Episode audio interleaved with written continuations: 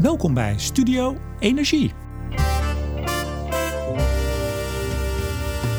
Airborne Wind Energy is een nieuwe vorm van windenergie. Niet met een traditionele turbine, maar hoog in de lucht met een high-tech vlieger. Meer wind, minder materiaalgebruik. De voordelen zijn legio, maar dat geldt ook voor de technische uitdagingen. Een van de koplopers is Ampix Power. Dit Nederlandse bedrijf werkt al 10 jaar aan hun heilige graal. Hoe ver zijn ze? Is dit de toekomst? Ik vraag het aan de man, verantwoordelijk voor het eerste commerciële model van Ampix Power. Mijn gast is Jaap Bos. En ook deze uitzending wordt weer mede mogelijk gemaakt door energie- en telecombedrijf Nutsgroep, Team Energie van Ploem Advocaten en Notarissen en netbeheerder Stedin. Meneer Bos, hartelijk welkom. Ja, hartelijk welkom bij uh, MPX Power. Ja, in Den Haag. Ja. Uh, in uh, welk kwartier zitten we? Dit is uh, Laakkwartier. Ja, ik heb net ook al een rondleiding gehad. Het is heel bijzonder, want normaal doe ik dat meestal achteraf. Maar we zijn al helemaal door de loodsen en de kantoren gegaan. Gaan we het allemaal over hebben? Ja, is goed. 2017 heb ik telefonisch kennis met u gemaakt. Want toen schreef ik een heel kort kolompje in het Financiële Dagblad over MPX Power. Um, jullie waren toen bezig met een crowdfund-actie geloof een tweede. Hè? Ja. Uh, voor 6,50 euro kon je meedoen. Ja. Uh, kon je investeren in uh, de nieuwe vorm van windenergie. 2,5 miljoen hadden jullie toen nodig. Is dat toen gelukt? Ja, we hebben toen die 2,5 miljoen ook opgehaald. we hebben in totaal 700 crowdfunders nu. en die krijgen geen lening, maar die zijn allemaal mede-aandeelhouder in de MPX Power. Ja, en voor 6,50 euro ben je dan een, denk ik een hele kleine aandeelhouder. Dan ben je een hele kleine aandeelhouder. maar, maar, men koopt waarschijnlijk uh, meer dan één. Uh, er zijn uh, best wel veel mensen die ook daadwerkelijk 6,50 euro hebben ingelegd. we hebben heel veel mensen die ehm, in 2013 met onze eerste crowdfunding meededen en die wederom hebben ingelegd. Dat is een interessante le lering voor ons dat mensen die al een keer in hebben gelegd ook uh, wanneer ze vertrouwen in een bedrijf hebben, meer inleggen een tweede keer. En we hebben ook een aantal part eh, partijen die uh, mensen die hele grote bedragen hebben ingelegd tot aan anderhalf miljoen. Doe maar. Ja. Die, hebben wel hele, die hebben wel hele hoge verwachtingen. Maar jullie hebben ook heel veel subsidie binnengehaald. Hè? TKI Wind op Zee, het uh, Europese Horizon project. Ja. Want in 2017 hadden jullie al zo'n 17 miljoen euro uh, vanaf de start. Dat was 2008. Ja. Uh, verbruikt noem ik maar even. Ja. op hoeveel staat de, hele Hollandse vraag, hè? op hoeveel staat de klok nu? volgens mij op de orde grootte 35. 35 miljoen. Ja, ja, dat is serieus geld. Ja, we hebben inmiddels 50 werknemers. En, en we zijn een groot apparaat aan het bouwen dan gaat het geld heel hard in deze fase. Ja, nou, daar gaan we het natuurlijk uitgebreid uh, over hebben. Maar voordat we beginnen, er zullen mensen luisteren die zeggen... Uh, een airborne wind energy systeem, geen idee. Hey, kunt u in één zin uitleggen wat dat inhoudt? Um, wij hebben... Mag ook twee zinnen. Gelukkig. we hebben een uh, vliegtuig die door de wind geduwd of getrokken wordt... En daarmee aan en dat vliegtuig zit aan een touw vast... En dat touw trekt dus, uh, er wordt dus aan dat touw getrokken. En uh, die touw zit op een katrol op de grond. En die gaat dus ronddraaien. En die draaiende beweging zetten we om met een dynamo in stroom. Ja, dynamo op de grond, vliegtuig in de lucht, ja. touwtje ertussen. En heel hard trekken. En heel hard trekken. En dat vliegtuig, uh, ik noem het wel eens een drone of een ja. kite. Of er zijn allerlei vormen. komen allemaal uitgebreid over te spreken natuurlijk. Want wat jullie maken is weer net anders dan de concurrentie. Ja precies. Maar in ieder geval een vliegend object die draait zo zijn, zijn achtjes, noem ik het maar even, in de mhm. lucht. Flink hoog, daar waait het hard. Ja. Uh, Tot en die 450 trekt, meter. Kijk eens aan. Uh, en die trekt. Uh, en dat, daar wordt stroom mee opgewekt. Ja. Nou, hoe, hoe, hoe, hoe, moeilijk kan je het hebben? Of hoe makkelijk? Ja, nou, het is zowel heel makkelijk als heel moeilijk. Ja, in, ik zei al, 2008 opgericht, ja. 50 medewerkers nu, maar volgens mij een paar jaar geleden ook al. In 2017 telde ik er ook al zoveel. ja, toen waren we ook orde grote 50. 22 nationaliteiten. Ja. Ik zag het net ook even. De, de voertaal is hier Engels in het laakkwartier. Ja. Uh, maar jullie zitten niet alleen hier in Den Haag. Uh, noem even de locaties waar jullie allemaal zitten. Ja, we hebben een eh, team in Melbourne zitten, in Australië. Wa waarom? Vroeg ik me af toen ik dat zag. Uh, een van de oprichters was een Australiër... Um, die niet naar Nederland wilde komen. Zo, zo makkelijk is zo het. Makkelijk is het. en, um, en hij werkt heel veel s'avonds. Dus we kunnen prima met hem communiceren. Maar is dit gewoon iemand die vanuit zijn studeerkamer nog een beetje meedoet? Of is dit echt een serieuze vestiging? Uh, nou, we, we, werken nu met drie man in Australië. En we hebben nog twee vacatures open in Australië. Dus daar, komt een, daar zit ons, het hart van ons Flight Algorithms team. Kijk eens aan. Ja. Maar goed, jullie zitten ook in Breda. We hebben een loods gekocht op vliegveld Breda.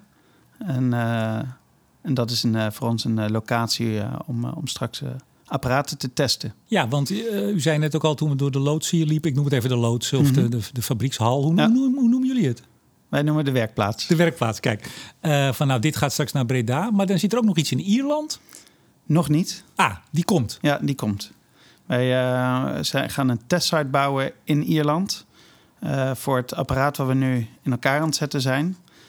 Die past niet op onze testlocatie in de Noordoostpolder, waar we een testlocatie hebben. Ja, waarom eigenlijk niet? Want hij wordt een, slagje groter. Want jullie zijn nu bezig met de AP3, de MPX Power 3. Ja. Nou, er is dus ook een, een, een 1 en een 2. Ja. Is er ook een 0? Ja. Kijk aan. Uh, als uh, proof of concept werd er eerst een uh, apparaat gebouwd. Die heet nu AP0. En toen dat bleek dat je hard genoeg aan een touw kon trekken om daar stroom mee op te wekken. Toen pas is MPX Power opgericht. Dus die AP0 is nog van voor uh, dat MPX Power als bedrijf werd. Uh, is dat zo? Want ik heb natuurlijk even op jullie site gekeken, uiteraard. Uh, proof of Principle, oh, is dat iets anders? Dat was 2010, dacht ik. Ja, in 2010 hebben we laten zien dat we met de autopiloot ook ah, okay. het vliegtuig konden sturen. Ja, jullie, want jullie noemen het een vliegtuig, hè? Of een drone, of een... Ja, er zijn eh, allerlei termen voor. In principe is het een onbemand vliegtuig. Ehm, het krijgt ook een certificering, een luchtvaartcertificering als onbemand vliegtuig. dat is een drone. Ja, ja. maar ik, ik, ik stond even net langs naast de, de vleugel, mm die geloof morgen naar de, de spuiter gaat, de, de, de verfspuiter. Maar is die dan zo groot dat die niet in de Noordoost... Noordoostpool is ook heel groot hoor. Ja, het uh, ligt niet zozeer aan het formaat van, van, het, van de vleugel. Want die, ehm, want het vliegpatroon is hetzelfde als uh, met het apparaat dat we nu vliegen. Maar we vliegen nu boven een veld waar, uh, waar ook uh, akkerbouw wordt gedaan. En als wij nu vliegen, dan bellen we de zes akkerbouwers eromheen en zeggen: Kunnen jullie vanochtend onkruid wieden? Dan kunnen wij vanmiddag vliegen. En dan zeggen ze: Ja, dat is goed. Maar AP3 moet, willen, we zo, willen we 24 uur per dag kunnen vliegen. En dat kunnen, kunnen niet met die boeren afspreken, natuurlijk. Ik, eh, ook weer heel Hollands hoor, maar zo gaat het in Nederland met overlast en samenwerking. Wordt daar dan voor betaald dat ze even niks doen of is dat gewoon vriendschappelijk? Dat is vriendschappelijk. Nou, dat, kan, dat kan dus ook. Dat kan zeker, ja. Heel goed. Even over uzelf, heel kort. Um, vijf jaar nu bij de zaak. Ja. 2015 begonnen, daarvoor ja. Eneco. Ja. Vijf jaar. Ja. Altijd in de duurzaamheid en altijd in de wind, hè? Nee, ik uh, ben begonnen in 2005 uh, eh, bij ETC Energy. En deden uh, projecten op het gebied van energie in ontwikkelingslanden. Ik ben mijn carrière begonnen met zonnepanelen in 2005. Amorf silicium, 24 watt panelen op het platteland in Oeganda. Voor de kenners, zeggen we dan. Ja, ja. ja want TU Eindhoven. Ja. Ik, ik heb innovation management, vond ik heel vaag. Ja, de, volgens mij uh, worstelt de opleiding nog ook een beetje mee. Destijds heette Techniek en Maatschappij. En dat hebben ze later omgeturnd naar Innovation Management. En daarin worden technische onderwerpen gecombineerd met hun sociale inbedding en economische inbedding. Dus veel economie en sociologie over technologische innovatie. U bent toch nog goed terechtgekomen, zeggen we dan?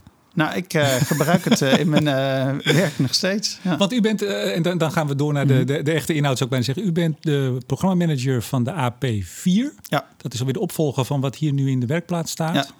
Ja. Um, maar ja, u bent al hier al vijf jaar, dus u, u, doet ook andere dingen, denk ik dan, of niet? Ja, ik ben, hiervoor was ik projectontwikkelaar voor windparken op land in, bij Eneco. En... Um, uh, bij MPX Power zochten ze testlocaties en demonstratielocaties voor uh, onze airborne windsystemen. Uh, en um, ik ben toen destijds binnengekomen om testlocaties te zoeken en te ontwikkelen. Um, en twee jaar later hebben we partnerschap gesloten met E.ON. dat is nu onderdeel van RWE geworden. en die doen nu de projectontwikkeling van onze testlocaties. En ik ben ehm, mij gaan bezighouden met het projectmanagement. Eerst van AP3 en nu van AP4, het commerciële systeem. Ja, en, en toen ik in 2017 contact had met u en met de zaak hier, toen was het idee dat die AP4, die eerste commerciële, in 2023 zou vliegen. Is dat nog steeds de planning?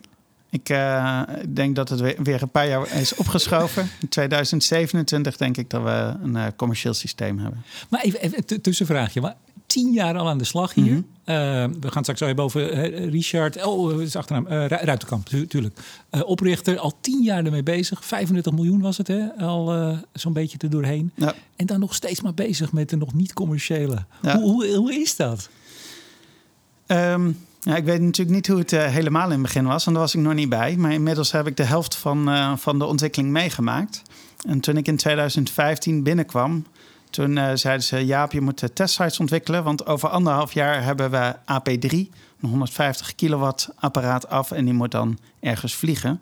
Zeker anderhalf jaar is best wel kort om een locatie te ontwikkelen. Want de vergunningentrajecten, misschien wel bezwaren, dat lukt allemaal niet in anderhalf jaar. Maar ik, ik zal mijn best doen. En um, medio 2016 ben ik de projectleider geworden voor AP3. En toen zei ik tegen het team: jongens, ik denk dat we over anderhalf jaar AP3 hebben vliegen. En uh, in 2018, uh, met op de nieuwjaarsborrel, zei ik: Nou, ik uh, hoop dat we over anderhalf jaar AP3 hebben vliegen. En, en zo verder. En de horizon is altijd, dat duurt niet zo lang meer. Nee, dat, het is een beetje kernfusie. ja, ja precies. ja. Um, maar, maar we gaan daar straks op verder. Ja, dit is een fascinerend verhaal. Tien jaar al bezig. En, maar nog steeds goede moed hier met z'n allen? Of zit er wel eens iemand hier met een geknakte hoofd... dat hij denkt, ik zie het niet meer zitten? Um, er, er is wel eens een enkeling uh, gestopt... omdat, uh, omdat hij uh, snellere successen wilde hebben. Ja, ja. Nou, dan maar de, voor, voor individuen zijn de werkpakketten vaak veel korter en overzichtelijker... Uh, dan die hele lange tijdslijn. En nu uh, is het vooral erg leuk, omdat we in de laatste fase van het afbouwen van ons systeem zijn. Dus je ziet het letterlijk in elkaar uh, schuiven. Ja, het mooie was, ik zal als dit online staat, zal ik ook even wat foto's delen via Twitter. Ik mocht ook alles fotograferen. Ja. Van dichtbij, van veraf, et cetera. Geen geheim hier. Nou, vind ik wel bijzonder het is heel moeilijk om uh, na te maken wat wij doen. Ja, die tien jaar die, die halen we nooit meer in als je het wil. Nee, die uh, is lastig uh, om dat te kopiëren. We gaan zo het hebben over jullie, ik noem het even jullie heilige mm graal. Hè? jullie zijn natuurlijk bezig met het systeem wat volgens jullie het, het, het allerbeste is. Maar ik wil even, even ietsje breder. Um, airborne systemen, daar hebben we het over. Ehm, waarom zou je het willen eigenlijk? Wat is er zo anders aan of beter? Hè? Het heeft voordelen, maar waarom precies? Um, als je kijkt naar uh, wat is er uh, effectief in een uh, windturbine, dat is de beweging haaks op de wind. En hoe hoger die beweging is, hoe harder je gaat. Dus de uiteinde van het blad van de windturbine, die draait veel harder dan de binnenkant van het blad van de windturbine. Dus de meeste energie wordt daar opgevangen.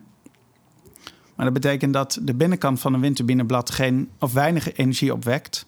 En die hele lange mast die wekt helemaal geen energie op. En de fundatie die daaronder zit om die hele lange mast overeind te houden, die wekt ook geen energie op.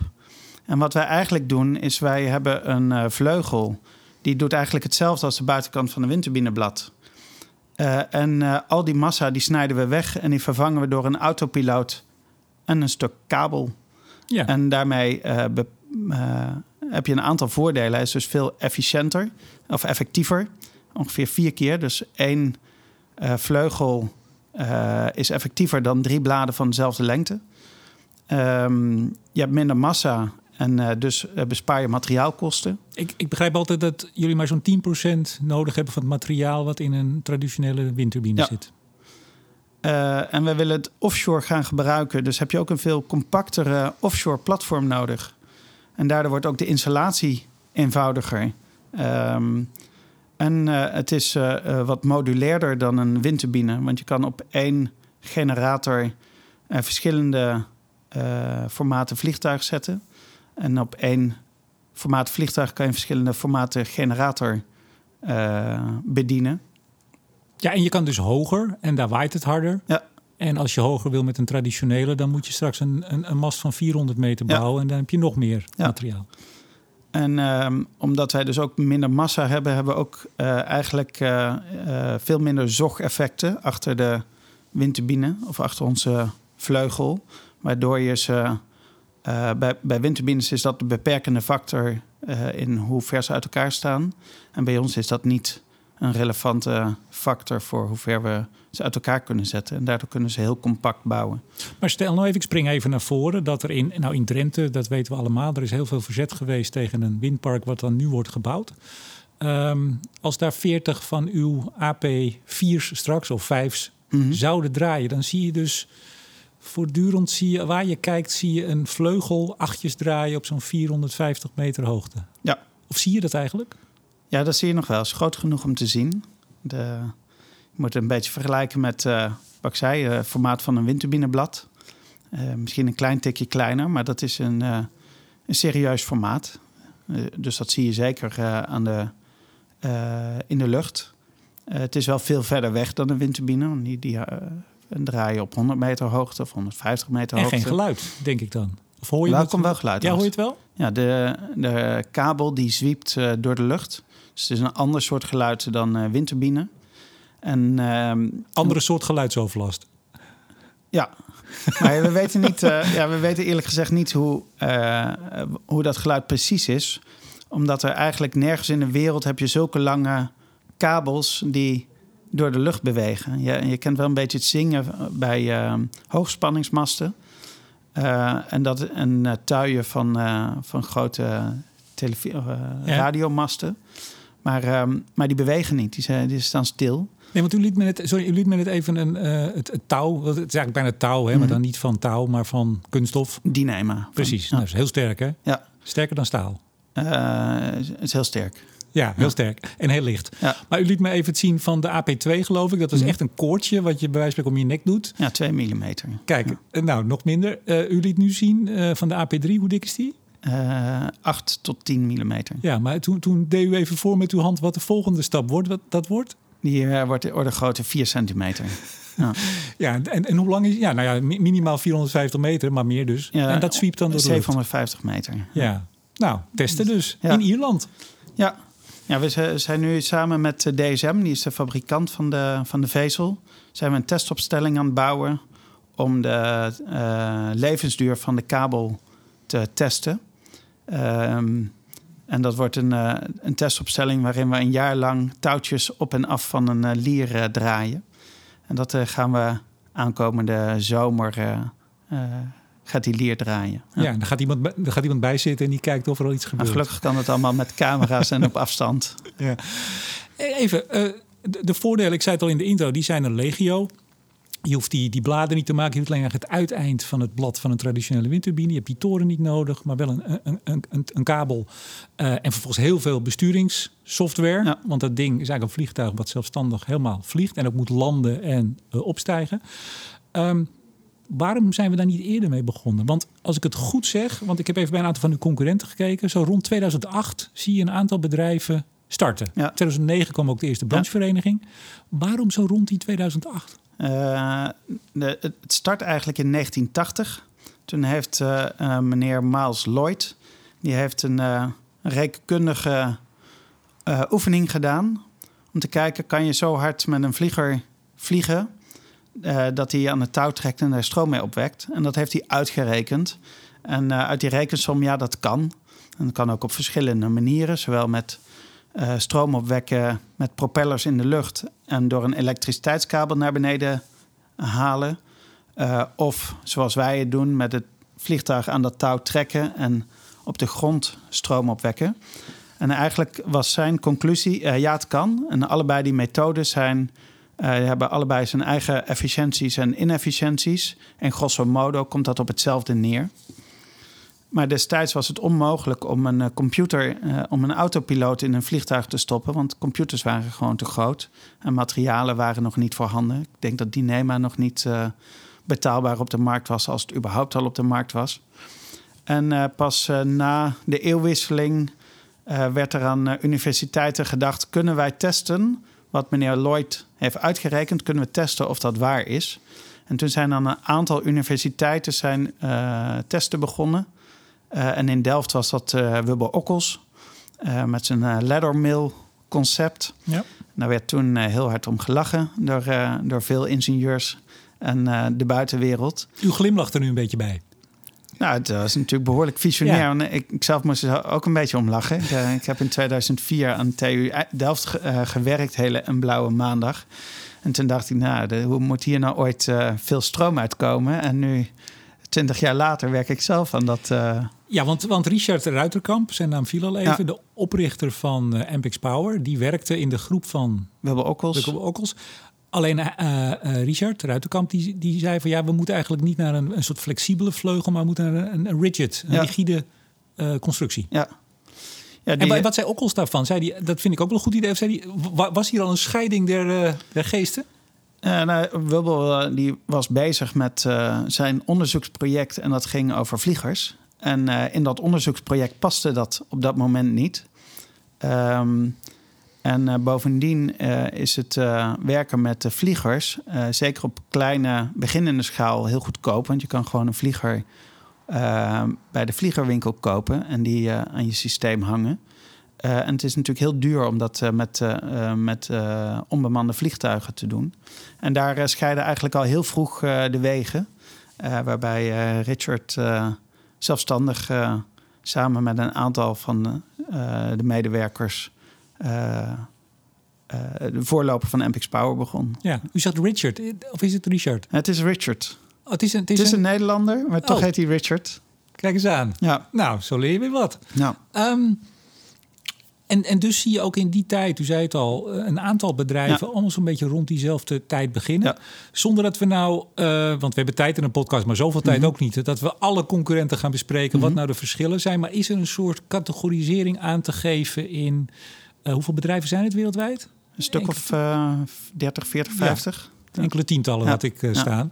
Um, is daar een soort categorisering aan te geven op wat voor principes ze werken? Ja, de hoofdcategorisering werd al in dat uh, onderzoeksrapport uh, gesteld. Energie opwekken in de lucht en met een elektriciteitskabel naar beneden brengen. Versus, we noemen dat pumping system. Want op het moment dat je aan het touw gaat trekken... op een gegeven moment is dat touw helemaal van, van de lier afgerold. En moet je hem weer oprollen. Dat kost energie. En daarmee krijg je een systeem waarin je uh, een tijdje aan het touw trekt tot hij helemaal is afgerold.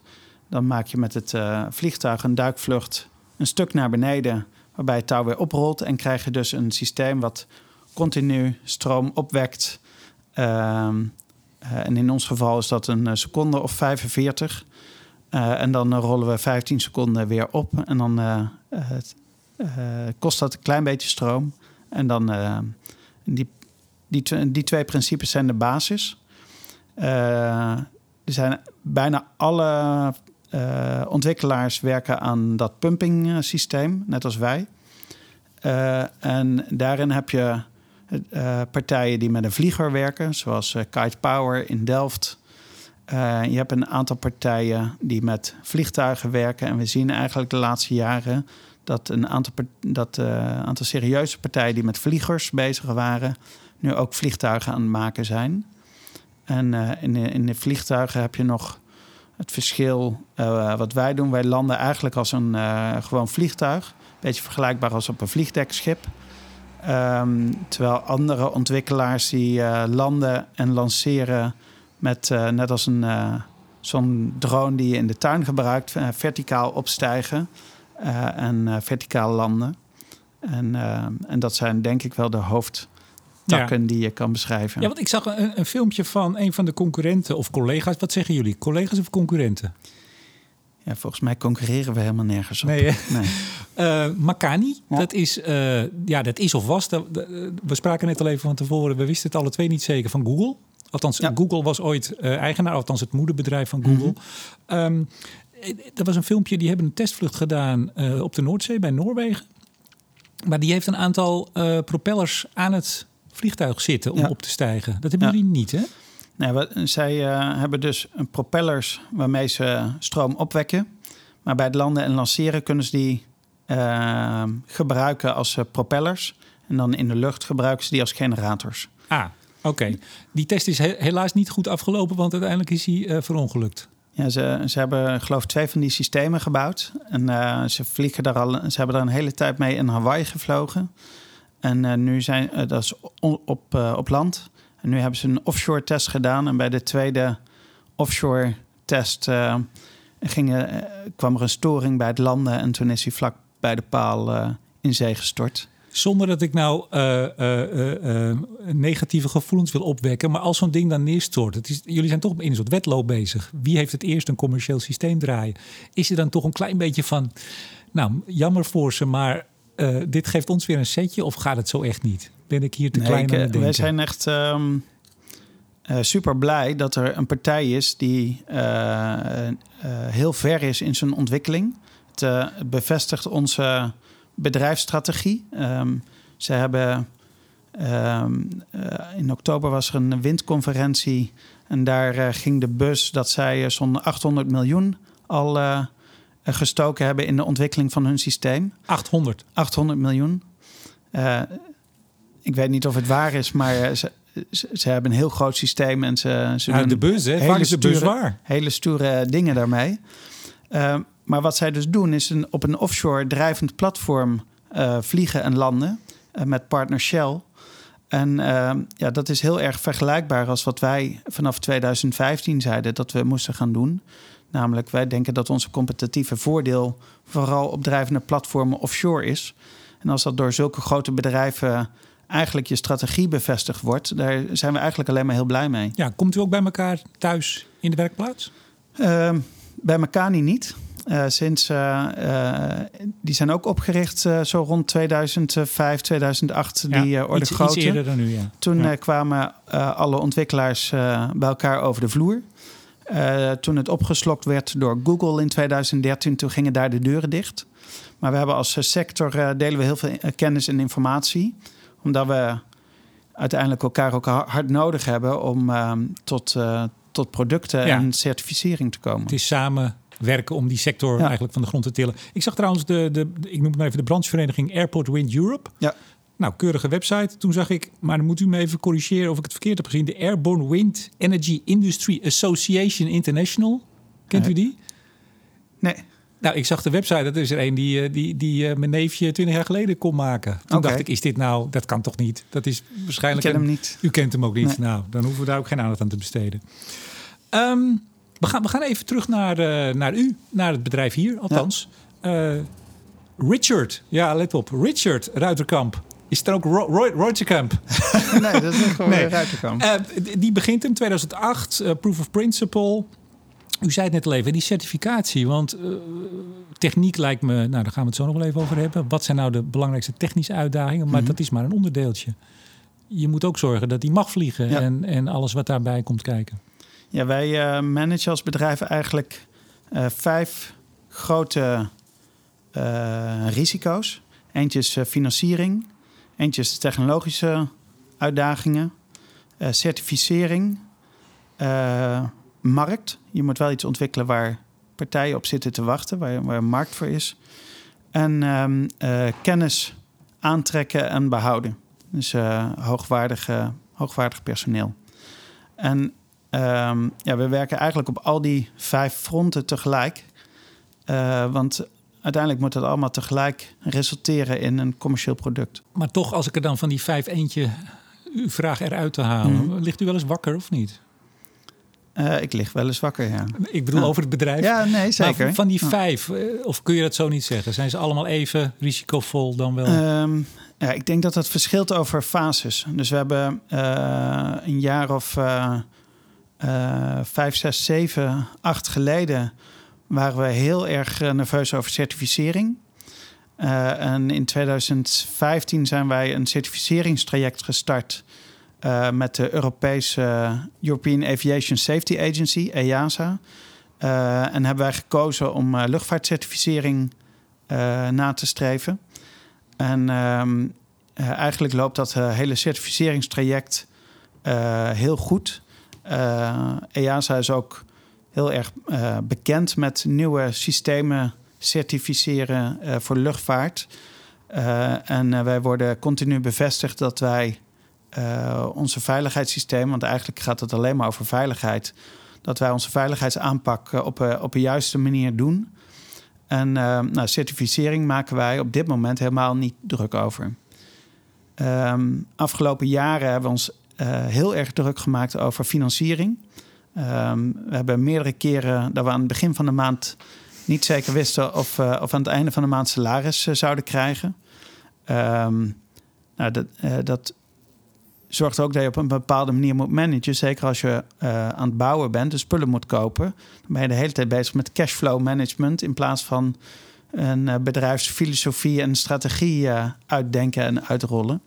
En um, ja, afgelopen najaar hebben wij een goede investeerder binnengehaald die uh, voor de aankomende twee jaar ons overeind kan en wil houden. En nu is uh, financiering is nog steeds een punt, want daarna hebben we nog steeds 100 tot 200 miljoen nodig. maar de urgentie is daarvan af. Op dit moment de technologie is. Oh, wacht even. Ik ga nog even terug ja. naar die financier. Of, is die bekend? Mag je die bekend maken? Of is dat... Ehm, het is een family office met veel affiniteit voor zowel renewables als luchtvaart. Een family office? Een, een rijke familie. Ah, oké. Ja, ja, Een rijke familie die een eigen investeringsfonds heeft. Ja, daar zijn er een paar van in Nederland. Ja. Althans, best wel veel eigenlijk. Ja, dit is een uh, buitenlandse, maar... Uh, oké. Ja. ja, nou, uh, maar dan dus die 100 tot 200 miljoen. Ja. Ja, wij hebben dus ehm, een bedrijfsplan... waarin wij aankomende twee jaar ons willen voorbereiden op een, uh, op een uh, investering van, uh, of een grote investeerder die ons dat laatste stuk kan financieren. En daar zijn allerlei vormen van. Je, je, hebt partijen die, die dan alle aandelen willen opkopen, of een deel van de aandelen. Vaak met behoud van, van medewerkers. En we zijn nu aan het voorbereiden om, um, om zo'n traject in te gaan. En we denken dat we met een jaar voorbereiden. En dan een proces van een jaar. Dat je dan zo'n investering zou moeten ophalen. Of ja. een strategische partij daarin moet Kom, kunnen. Komt u wel eens bij Fastnet over de vloer?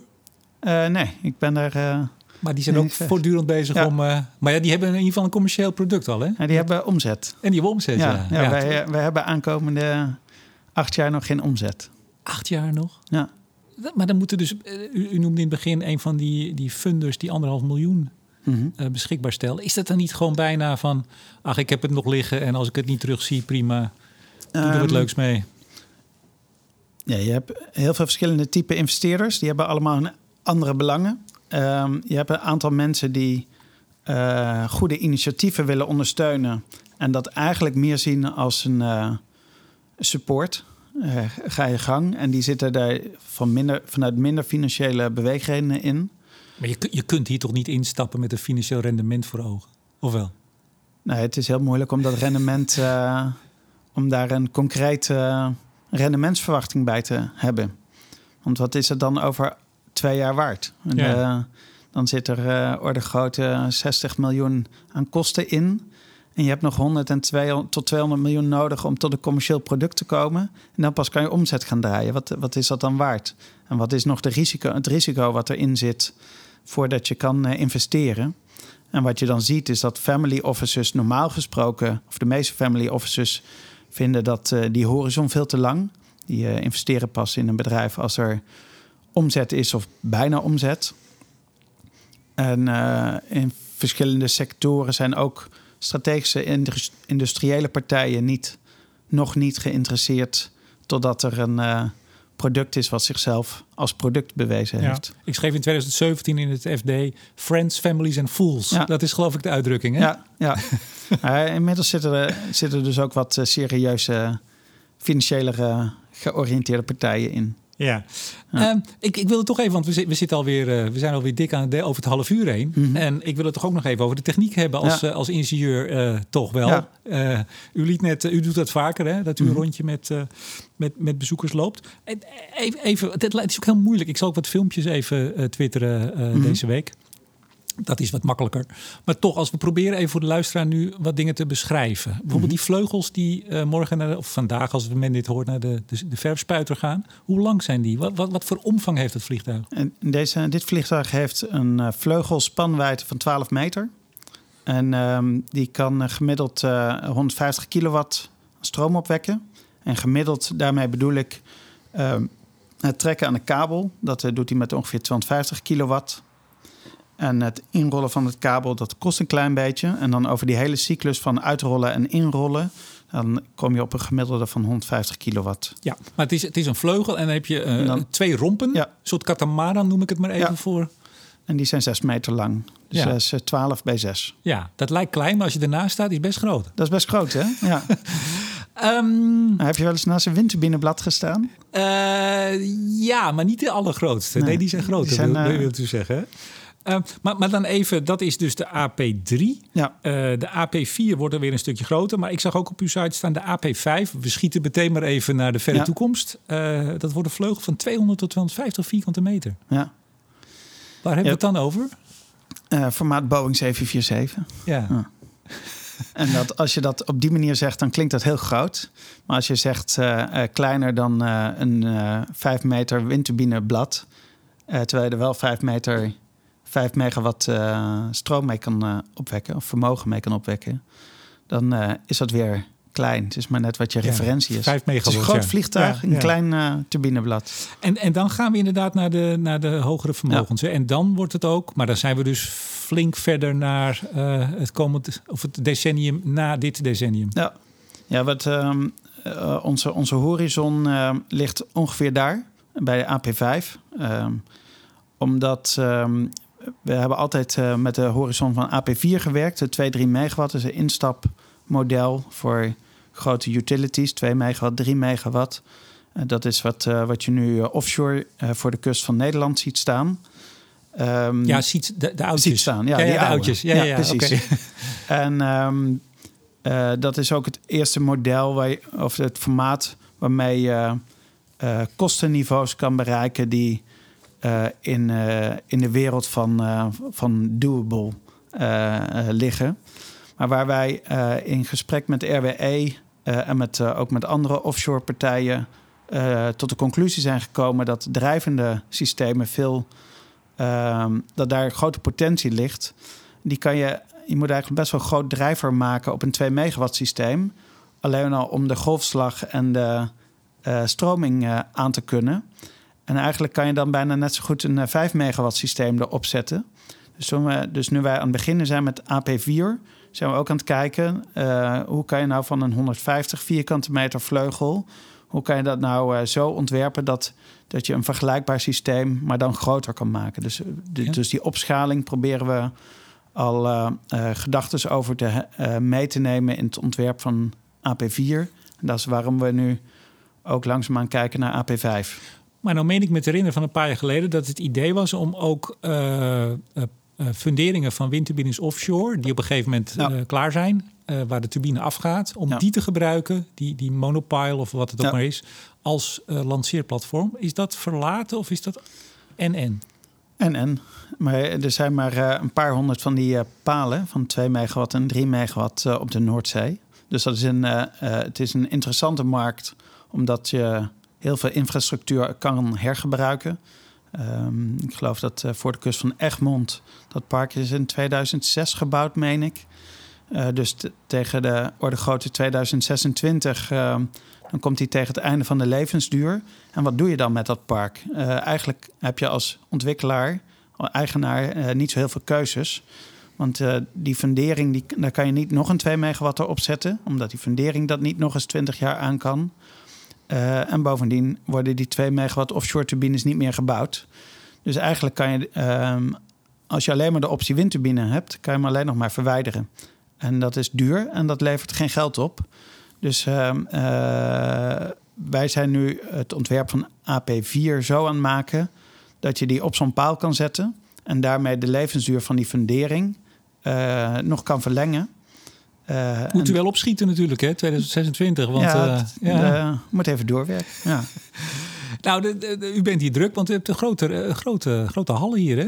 ja. bedoel, het is, het is een flink bedrijf. Voor Ja, een start-up die ja. nog niks eh, we commercieels...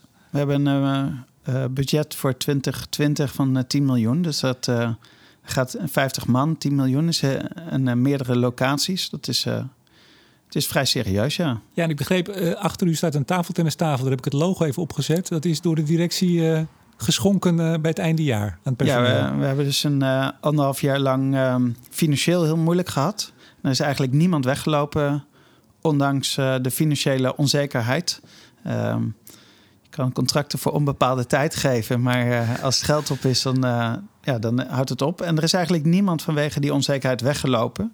En eigenlijk als dankje eh, naar, eh, naar het personeel eh, is dat Een tafeltennistafel. is een tafeltennistafel Ja. gekomen. Er wordt wel eens een maandje later betaald? Nee, nooit. Oh. Nou, We hebben gelukkig altijd alle salarissen kunnen betalen. Eén keertje op de vijfde van de volgende maand. Moi. ja, Is te doen. ja, in ieder geval in de vijf jaar dat ik er zat. Ja, Je werkt hier niet als je graag bij Shell wil werken of een van de andere grote wij, bedrijven. eh, als je heel veel geld wil verdienen, dan eh, moet je niet eh, bij eh MPX Power komen werken. Goed, hebt u, hebt u ook aandelen in de zaak? Alle medewerkers hebben aandelen. Ja, en is dat als, het, nou- als dit nou echt het ding wordt? Dit wordt de doorbraak. Dit wordt hem. Ja, Bent u dan, als ik u over 10 jaar, Mhm. 20 jaar tegenkom, bent u dan man in bonus? Bent u dan. Nou, ik denk dat dat wel mee zal vallen. Toch nog even, eh, ja, mensen moeten maar gaan kijken op de Mhm. filmpjes. Want het- we kunnen het helemaal gaan beschrijven. Het is, eh, waar maakt u de romp van en de vleugel? Van koolstofvezel. Uiteraard zou ik bijna Ja. zeggen. En de vleugel van glasvezel trouwens. Precies. Nou, dat wordt hier allemaal gedaan. Ja. Ik, ik heb van de week een filmpje gezet waar die geloof ik uit de mal wordt gehaald. Ja, Dacht de, de romp Ja. hebben we de koolstofdelen aan elkaar gelijmd. Ja. Kabeltje eraan, heel veel elektronica erin. We waren even op de elektronica afdeling. Want hij moet het helemaal zelf doen, Ja. Uiteindelijk. Ja, en dat is eh, eh, zowel eh, vanuit de certificering, maar ook vanuit gewoon bedrijfszekerheid. Het voordeel van een windturbine en is dat eh, in principe staat op de grond verankerd. En In principe, in principe sta- valt hij, niet om. In principe valt hij niet om. En dat, En laatst het oudje in Friesland, ja, precies. En een keer een blad op de A6. hè? eh, Precies. Maar ehm, eh, ons vliegtuig is in principe instabiel. Het is, eh, het is iets wat in de lucht hangt. En alles wat in de lucht hangt kan naar beneden komen. En veiligheidssystemen gaan er dus over dat je eh, ten eerste beperkt eh, hoe die naar beneden komt. Wanneer die naar beneden komt en waar die naar beneden komt. En daarvoor heb je heel veel systemen nodig. Dus we hebben redundantie in alle systemen. drie boordcomputers. alle sensoren zijn in drievoud uitgevoerd. Eh, hebben dus een heel veiligheidsplan, eh, wat voor, ook voor de luchtvaartcertificering nodig is, om eh, aan te tonen dat dat ding niet bij mensen op hun hoofd zal vallen. En ehm, ja, Maar ja, er en- komt er een keer een naar beneden natuurlijk. er komt er ongetwijfeld eh, een keer één naar beneden, maar die zal niet op uw hoofd vallen. Nee, Ja, dat, maar het, het is ook het voordeel van eh, beginnen met offshore. Hè. Er lopen niet te veel mensen onder een eh, eh, offshore windturbinepark. nee, maar even als het ook onshore zou zijn, maar ook offshore. Ja. Je, je moet dus, lijkt mij, een flink terrein onder het vliegtuig moet je vrij houden. Of kan hij gewoon boven het dorp in de Noordoostpolder zijn rondjes draaien? Nou, los van de beleving hoe het is om eh, 24 uur per dag een Boeing 747 boven je hoofd te hebben op 450 meter. Ik, ik, aan de andere kant, ik rij over de A4 en dan komt er een Boeing A380 op 100 meter boven je hoofd en dan voel je je ook niet onveilig. Eh, maar ehm, ja, wij willen zeker in, eh, in de eerste commerciële fase willen we die dingen eh, vliegen op plekken waar geen mensen komen. En misschien een boer die zijn akker verbouwt en waar, waarmee je kan afstemmen, dat kan nog wel. Maar een doorgaande weg eronder is zeker in die eerste commerciële fase absoluut niet interessant. Nee, maar, maar eh, onshore parken, nou, daar weten we alle bezwaren tegen en ook de strijd daartegen. Ja. Uh, Offshore, eh, de vissers, hè, ruimtegebrek. Het is niet zo dat je dit, eh, eh, hè, dat je alleen maar bij wijze van spreken de, de generator op de grond hebt. Je hebt dus wel een, een flink wat ruimte. Ook straks offshore moet je vrij houden voor van Ja. bijvoorbeeld scheepvaart. Ja. Het is niet dat het heel ruimtebesparend is, of wel? Ehm, nee, je zal ze op eh, ongeveer dezelfde afstand zetten als offshore windturbines. Eh, en ehm, ja, daar heb je een gebied waar, eh, waar tientallen van dit soort eh, eh, drones in de lucht vliegen.